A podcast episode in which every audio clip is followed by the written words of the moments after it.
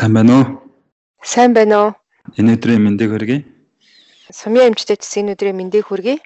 Тэгэхээр энэ судалгааг бол 2019 оны 4 сарын 23-нд болохоор Lancet гэдэг маш нэр хүндтэй сэтгүүл одоо нийтлэгдсэн. Энэ судалгааг бол анх 2001 онд эхлээд 25 орны 185 мянган одоо хүнийг дагаж судалсан ийм судалгаа юм байгаа. 25 улсад болохоор өндөр хөгжилтэй орон, дунд хөгжилтэй орон, а мөн буурай хөгжилтэй орон гэсэн ийм орнуудаас 25 орноос сонгоод авсан байгаа. Одоо тухайлбал бидний сайн мэддэг манай хоёр хөрш орон Орос хятад За бүр цаашд бол бүр Африк твээс Замбавеч гэсэн улсаас хүртэл ингээд орсон хүн амыг судалсан судалгаа байгаамаа. Тэгэхээр ер нь бол дэлхийд бол хэд хэдэн алдартай ийм когорт судалгаанууд бол өнөөдрийн бидний одоо өвчлөлийн гол шалтгаан нь юу юм гэдгийг бол нотолж тэрүүгээр нь бид нэр эмгэлзэн удирдамжийг гаргаж ингэж эмчилгээний практикт хэрэглэдэг.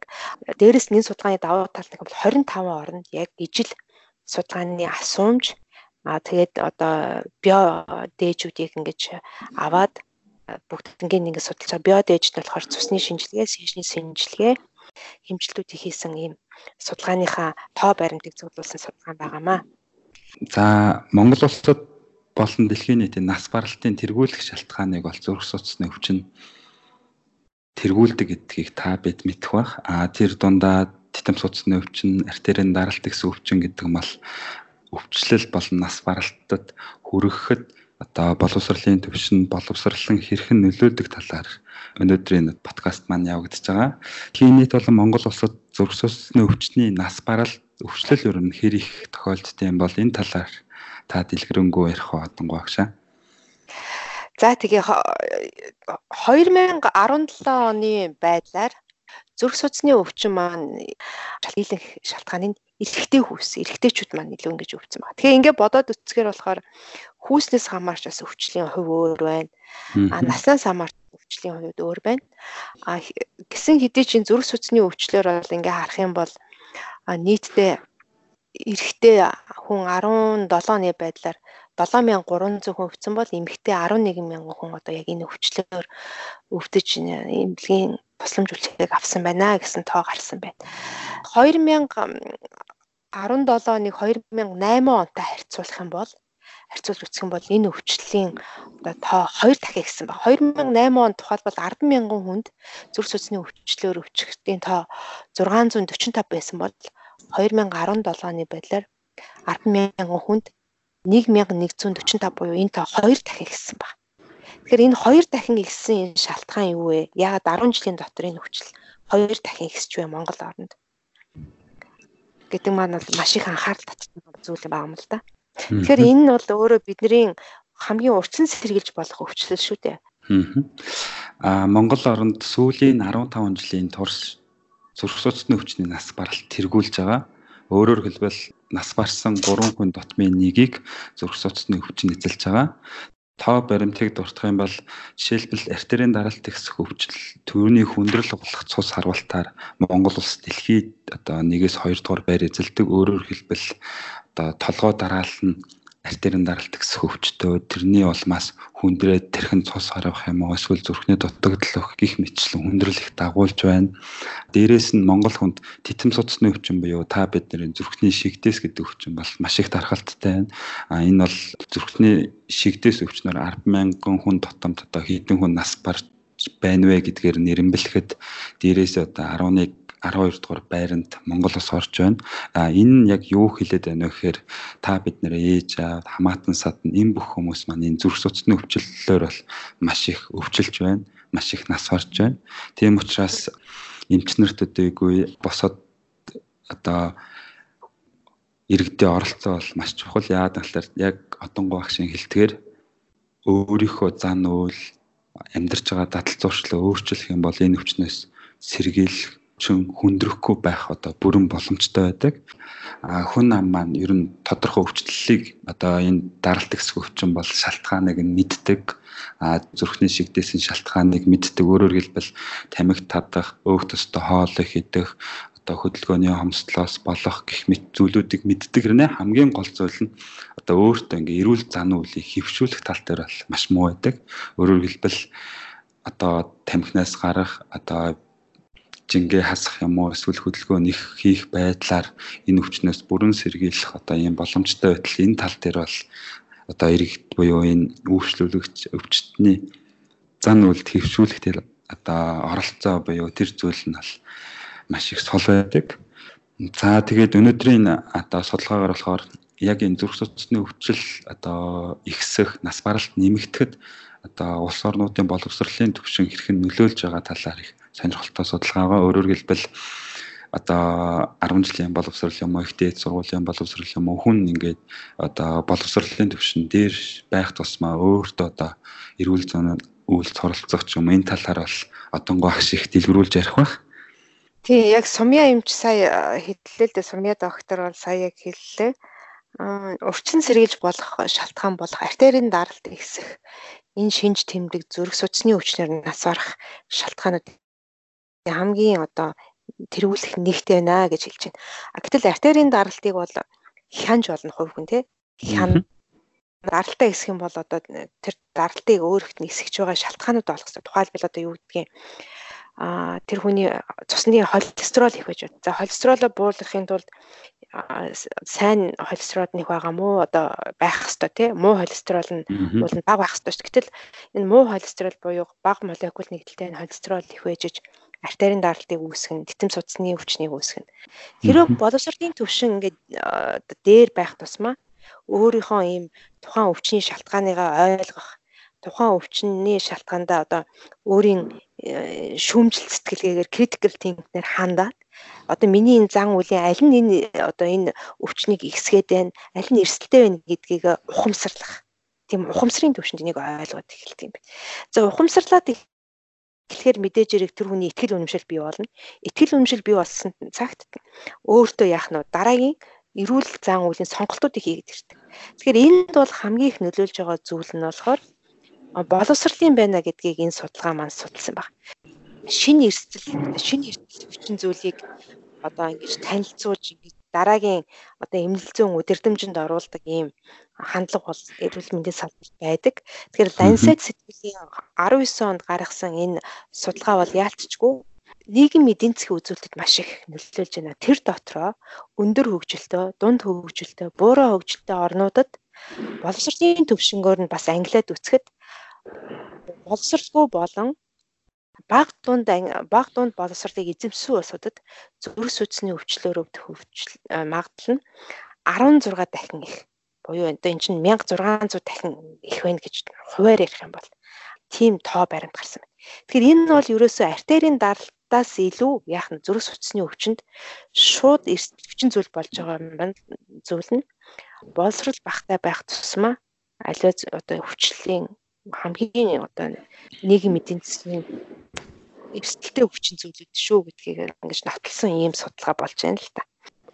Тэгэхээр энийг бол ингэж тэгвэл бол анх энэ нийтлийг гаргахтаа бол нэлээд ийм хүмүүсийн анхаардыг татчих ингэж CNN мэдээгээр гарсан. Тэгээ би энэ судалгааг бас юугаар мэдээгээр гарахт нь ингээд сонсчод ингээд хайж үзээд энэ судалгааг бас ингэж олж ер нь бол монголчуудын хувьд ч гэсэн өнөөдөр боловсролын төвшин ямар байгаа илээ. За ялангуяа бидний нөгөө ерөнхий боловсролын сургууль баг дунд одоо ахлах ангид сурагчдын боловсрал бол маш чухал. Тэр үед нь эрүүл мэндийн боловсролыг хэрвээ зөв ингээд олгоод эхлэх юм бол цааш ирээдүйд учрах өвчлөөс ирээдүйд учрах энэ эрсдлүүд их буурдаг юм байна.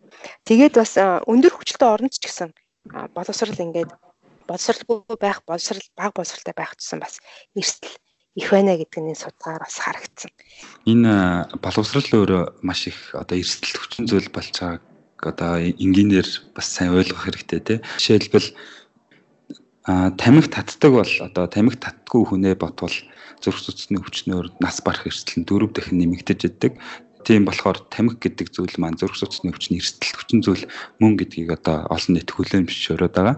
А харин боловсрал одоо баг дунд дээд гээд боловсролын төвшин маань баг байх тусам энэ зүрх судасны өвчл буюу нас баралтаар өвдөх магадлал нь энэ судалгаагаас харахад одоо 16 дахин ихсэж байна гэдэг ч юм уу ийм боловсролын төвшин бол бас их одоо томоохон хүчин зүйл болж гин гэдгийг бол нотолж харуулсан байгаа. Тийм тэгэхээр энэ нөгөө зүгээр нэг ийм нэг удаагийн зүгээр төвөр аваад судалсан судалгаа биш.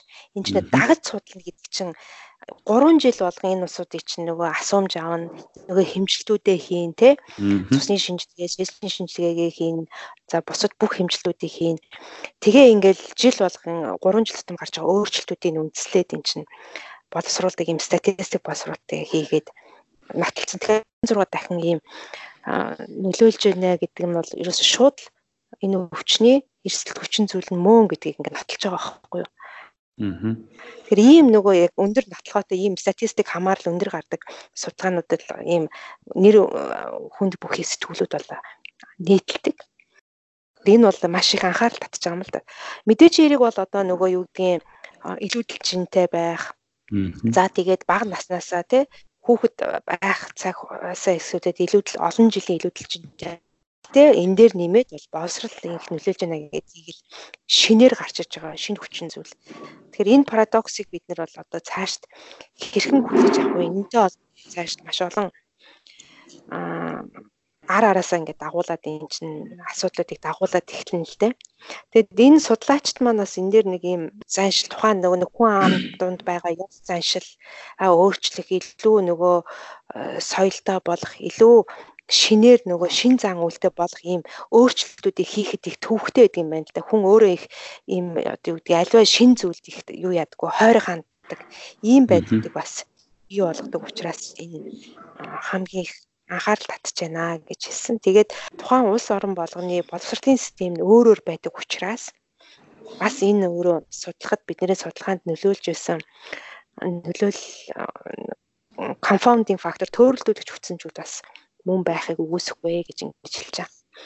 Тэгэхээр альва нөгөө юуны боловсролын системийн өөрийнх нь одоо мөн чанарыг юунд оршдог вэ? Тэр тухайн хүн амын ихтгэл үнэмшил юунд оршдог вэ? тухайн боловсролын системийн бодлого нь юунд оршдог вэ? За тэгээд тэр боловсролын системтэйгээ хамааруулж нийгэм хамгааллын асуудлууд ямар төвшөнд байдаг вэ гэдэг их чухлаа. Төгсгөлийг ингээд төгсгөлд нь болохоор энэ хүмүүс бас их сонирхолтой зүйлүүдийг ярьсан байгаа. Тэгэхээр энэ судалгааны хамгийн чухал зүйл нь бол beta education-ыг л хамгийн чухал юм байна. Энэ бол одоо айлч улс оронд илүү одоогийн ингээд боловсрлоос илүү те өндөр хүчтэй орно ч гэсэн илүү эрүүл мэндэд суурилсан ийм судалгаа сургалтын хөтөлбөрийг одоо боловсруулах нь энэ бол өөрөө маш чухал. А мөн энэ цаашид бол одоо юу гэдгийг бидний нөгөө хүнс үйлдвэрлэгчэд за тэгээ им үйлдвэрлэгч гэж байгаа тийм имийн одоо им үйлдвэрлэгч. А тэгээд ийм усууд хүртэл энэ цаашаа шин одоо бүтээгдэхүүн гаргахтаа хүртэл ийм хүчин зүйл байдаг гэдгийг зайлшгүй анхаарч үзэж одоо тийм нэг нэг тооцох хэвээр нэг өгөгдхүүн шүү гэдгийг ингэж дурдаад ингээд энэ судалгааны бас ингэж батсан дүгнэлтийг хийсэн байгаа. Тэгэхээр надад бол энэ их сонирхолтой санагдсан. Тухайлбал одоо манад одоо ингээд нийтээрээ ингээд боловсрал эрүүл мэндийн талаарх боловсрал сайн хүмүүсийн ерөнхий одоо литераси ингээд боловсролын төвшин бичиг үсэг тайлхдах биш болчиход байна шүү дээ. А, Б, В-г уншдаг, бичдэг биш болчиход байна шүү дээ. Тийм боловсролын төвшин өөрөө нийтээрээ сайн болох юм бол өвчлөлийг бид нэр бууруулах юм боломжтой байгаад байгаа юм аа. Ер нь бол яг онлын хувьд бол байдаг шүү дээ. Бид нар бол нийт өвчлөлийн бол 15% нь бол тухайн эмнэлгийн байгууллагын чадамжаас хамаардаг. За 40% нь бол яалтчгүй хувийн зан үйлээ. Тэгэхээр тэр 40% чинь хувийн зан үйл гэдэг чинь тухайлбал нэг мундаг одоо юу гэдгийг өвөөж талах чихэр компани 70 давсныхаа хэрэгцээг багасгасан. За тэгээд одоо юу гэдгийг транс тосны хэмжээг транс тосгүй хэрэглэхгүй ийм хүнсний бүтээгдэхүүнийг гаргаад ирэхэд яах нь хүн амын артерийн даралт нь бол яах нь ингээд баг багаар буураад ирчдэг. Тэгэхээр иймэрхүү байдлаар ч юм уу тухайлбал бид нэр энэ боловсролын төвшин ойлгох хэрэгтэй байна л да. Тэгэхээр энэ боловсролын төвшин болохоор их харьцангуй ойлголт юм шиг байна. Өөрөөр хэлбэл ихтэй сургууль төгссөн үнийг одоо боловсралтай гээд эдгэр хүмүүс нь одоо энэ зүрх судасны өвчнөөс одоо сэргийлэх, хянах, одоо хүндрэлээ бууруулахад одоо босод одоо зүгээр ихтэй сургууль төгсөөгөө ч юм уу эсвэл 8 жил 10 жилийн боловсролтой хүнийг харьцуулахад одоо хамаагүй одоо ийм чадвартай гэж ойлгож болох уу? Тий яг уу ер нь бол яг уу одоо юу гэдэг боловсролын төвшин гэдэг чинь яалчгүй ингээд цаасан дээр буулгацсан. Тэгээд энэ чинь юутай ч үзүүлэлтүүдийн даваа боловсруулж байгаа шүү дээ. За огт боловсралгүй байна баг дунд боловсрал баг ангийн боловсрал эзэмшсэн байна. Ерөнхий боловсролын сургуулийг эзэмшсэн. За ихтэй сургуулийг төгссөн байна гэх ингээд ангилчж байгаа юм л та. Тэгэхээр энэ гурван ангилалд ингээд аваад үзэхэд огт боловсралгүй буюу баг дунд ангийн боловсрал эзэмсэн хүн аливаа мэдээллийг сонсоод тий аливаа мэдээллийг сонсоод дүн шинжилгээ хийжтэй. Тэр хүн чинь өөрийнх нь тэр уурга тархич ингээд анализ хийж байгаа дээ. Тэр чадамж нь их бага байна. Тийм чадамж бага байгаа учраас нөгөө аливаа мэдээллийг сонсчод тэрэндээ ихтгэл үнэмшлэн төрөхгүй байгаа байхгүй.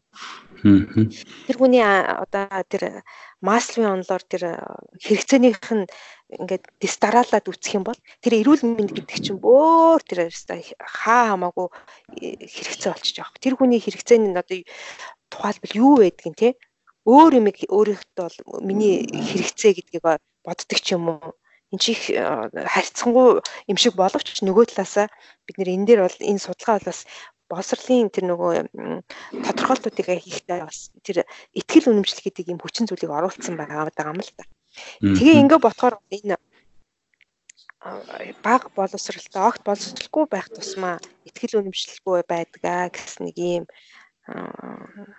агуулгыг энд ингээ биччихээд байгаа.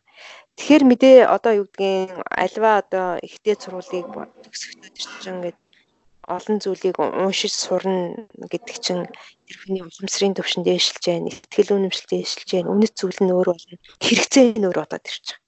Тэр хэрэгцээнүүдийн жагсаалт бол босралтай байх тусмаа юу гэдэг эрүүл мэндэ хамгийн ихний миний одоо чухал зүйл. Тэгэхээр эрүүл мэндийнхээ энэ хэрэгцээг хангахын тулд эрүүл байх ёстой тий тэр хэрэгцээг хангахын тулд би ийм ийм сонголтуудыг хийх ёстой юм байна гэдэг ч юм уу. Тэр сонголтууд нь өөр болоод эхэлж байгаа байхгүй. Тухайлбал за эхлээд сонгохдоо би одоо альва миний холестеролыг одоо хамгийн их эсгэж байгаа холестерол эсгэж байгаа саахыг хэрэглээгээ би ингэж танана.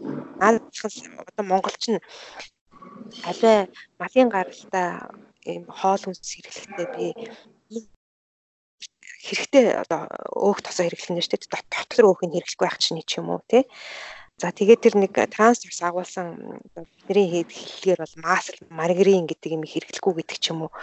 Яг гэтэл энэ мэдээллийг чи адилхан өгөөд шүү дээ бид нар хүмүүст иргэдэд тий мэдээлүүд тэр ингээ хүлээж авч байгаа тэр хүн яагаад өнөөдөр хэрэгжүүлж чадахгүй нэ. Яагаад бодтойгоор тэрийг зан үйл болгож чадахгүй нэ гэдэг чинь ялчжүүл энэ босралтай холбоотой байна гэдгийг л энэ судалгаа нотлоод өгч байгаа юм л та.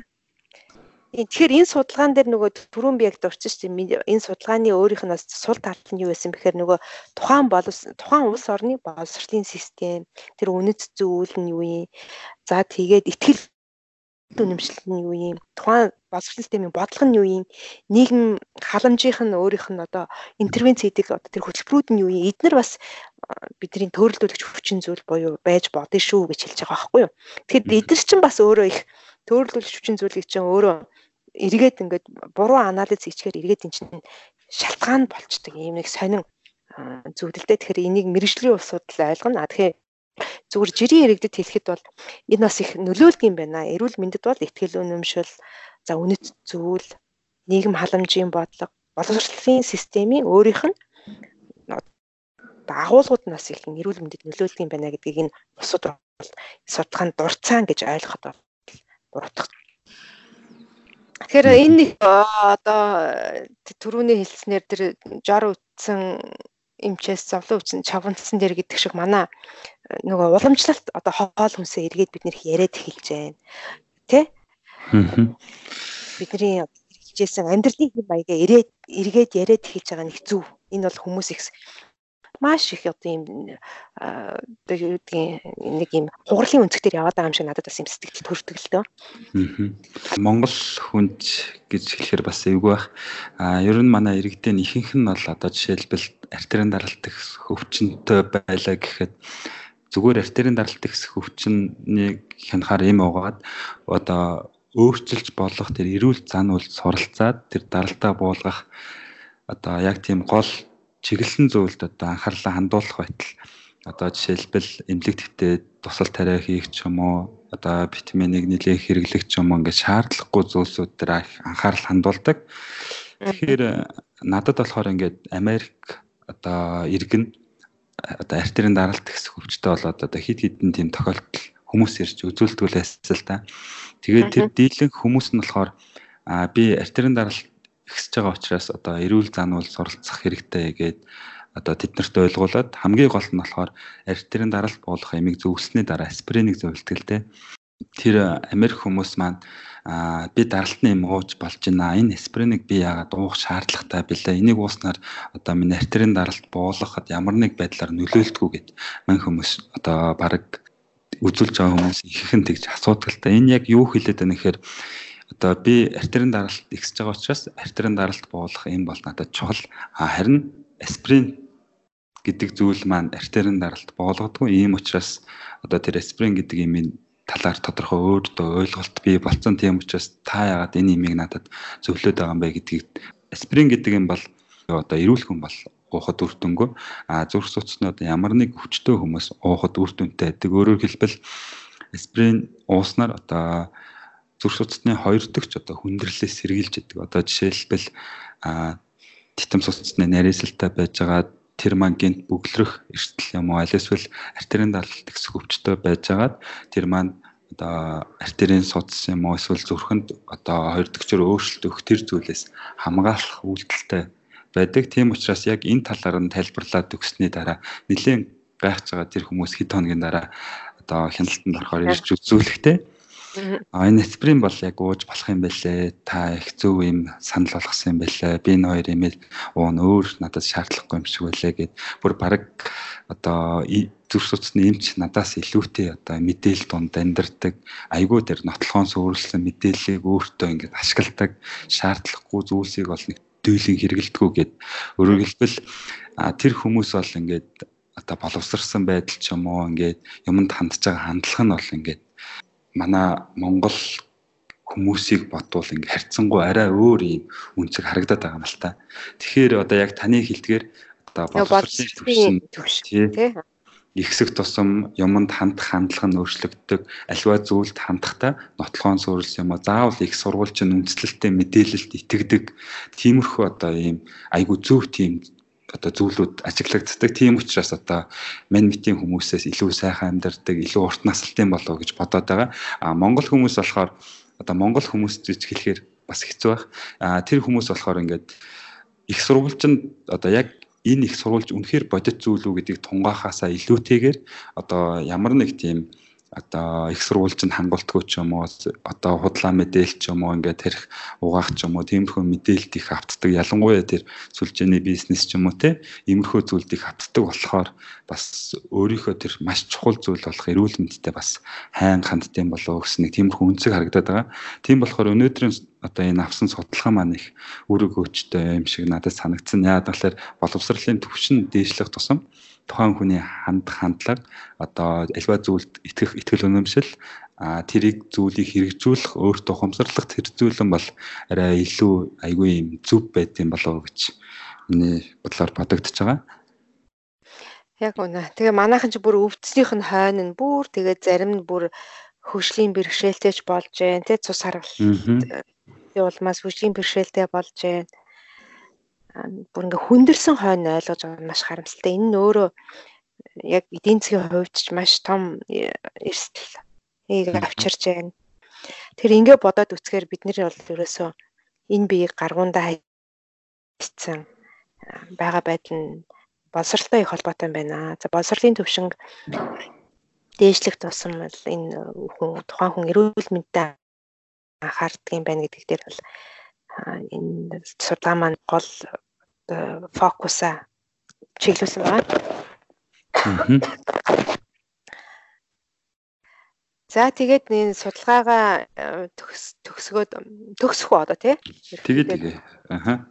Тэгээд энэ судалгаан дээр болохоор яг ялангуяа энэ буурай хөгжилтэй орн хөгжиж байгаа орнууд бол энэ зүрх судасны өвчлөө гол шалтгаануудыг судлахдаа бол энэ боловсрал гэдэг ийм эрсдэл хүчин зүйлийг анхаарах хэрэгтэй байна.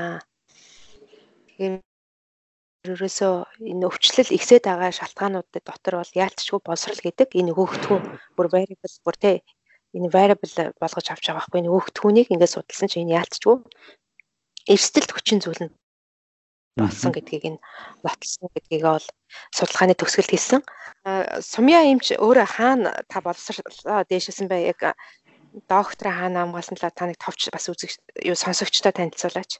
Аа би болохоор зүрх судас нэмж анагаахын шинжилгээ ухааны сургуулийг бол хүний их эмч мэрэгчлэр төгсөөд аа тэгээд үргэлжлүүлээд анагаах ухааны магистрийг бол хамгаалсан. Аа тэгээд үргэлжлүүлээд одоо анагаах ухааны докторийн зэргийг хамгаалсан сэдв нь болохоор одоо яг зүрх судасны өвчир тэр дундаа титам судас хүндрэхээр зүрхний шигдээс үүсгдэг. Яг тэр зүрхний шигдээс үүсгэхдээ тэр зүрхийг тижээдэг титам бартер нь нарийсч авч байгаад гин тэр нарийслын одоо тов руу гэж ярих тэр зүйл нь хагараад зэгт ингээ бүглэрл болсноор одоо зүрхний шигдээс үүсгдэг ба. А тэр зүйлийг их нэрвчлэн судалсан нэгдүгээр а хоёрдугаарт болохоор хэвийн эрүүл судас гэж ярих ялангуяа тэрний нөгөө үүдлэс гэж ярьдаг тийм өөрөөр хэлбэл суцсны одоо гимтсэн тэр нарийнсан суц хэвийн үйл ажиллагаа хангах одоо эсүүд нь болохоор бид нар одоо шаваа чумэг гэж ярих тэр үүдлээсээс үүсээд одоо цуснд эргэлдэж явах явцдаа тэр хөгшөрсөн гимтсэн тэр суцсны эсүүдийг нөхөн сэлбэж хэвүүл ажиллагааг явуулдаг. А тэр үүдлээсийг бол яг өсгөрлөө талаар судалсан байгаа. Тэгээд өнөөдрийн судалгааг харахад надад нэг зүйл санаанд ороод байгаа. Өөрөөр хэлбэл аа одоо далаад хөвж байгаа айсберг буюу мөсөн нуул санаанд орж байгаа. Өөрөөр хэлбэл мөсөн нуулын толгой хэсэг нь болохоор та бидний нүдэнд яг үзэгддэг те. Тамхи, холестерол, давс гэх мэт ийм одоо одоо бодит зүйл. Боловсролын төвшин тэр зүйлүүд нь болохоор тэр далайн гүнд нуугдж байгаа тэр яг жинхэнэ нэг агуулгын зүйл юм болов уу гэж бодоод байгаа. Тийм учраас зүгээр нэг тамхинаас гарахаас илүүтэйгээр одоо энэ боловсролын түвшнээс дээшлүүлээ тэмхнээс гарахын зэрэгцээ эрүүл зануул суралцаад ингээд комплекс нэгдсэн байдлаар одоо интервенц хийж өөртөө нөлөөлөл илүү ил ач холбогдолтой юм болов гэж бодогдод байгаа. Боловсрол гэдэг маань өнөөдөр хүчин зүйл биш байсан юм байна гэдгийг өмнө мдээгүй биднэрт а тийм нь бол яг шинээр гарч ирсэн яг тэр мөсөн уулын суурь юм байна гэдэг дээр ингээд тэр санал хоёул нэгдээд энэ судалгааныг олж авч уншсандаа бол бид тэр хоёулыг олзуурах байгаа. Тэгээ судалгааг өшөөд дэлгэрүүлж уншихыг хүссэн хүмүүст бол судалгааны линкийг сумын амч тавиад бас сонирхуулж болно гэж түрүүн хэлсэн. Ингээд өнөөдөр подкастыг өндөрлөе. За баярлалаа.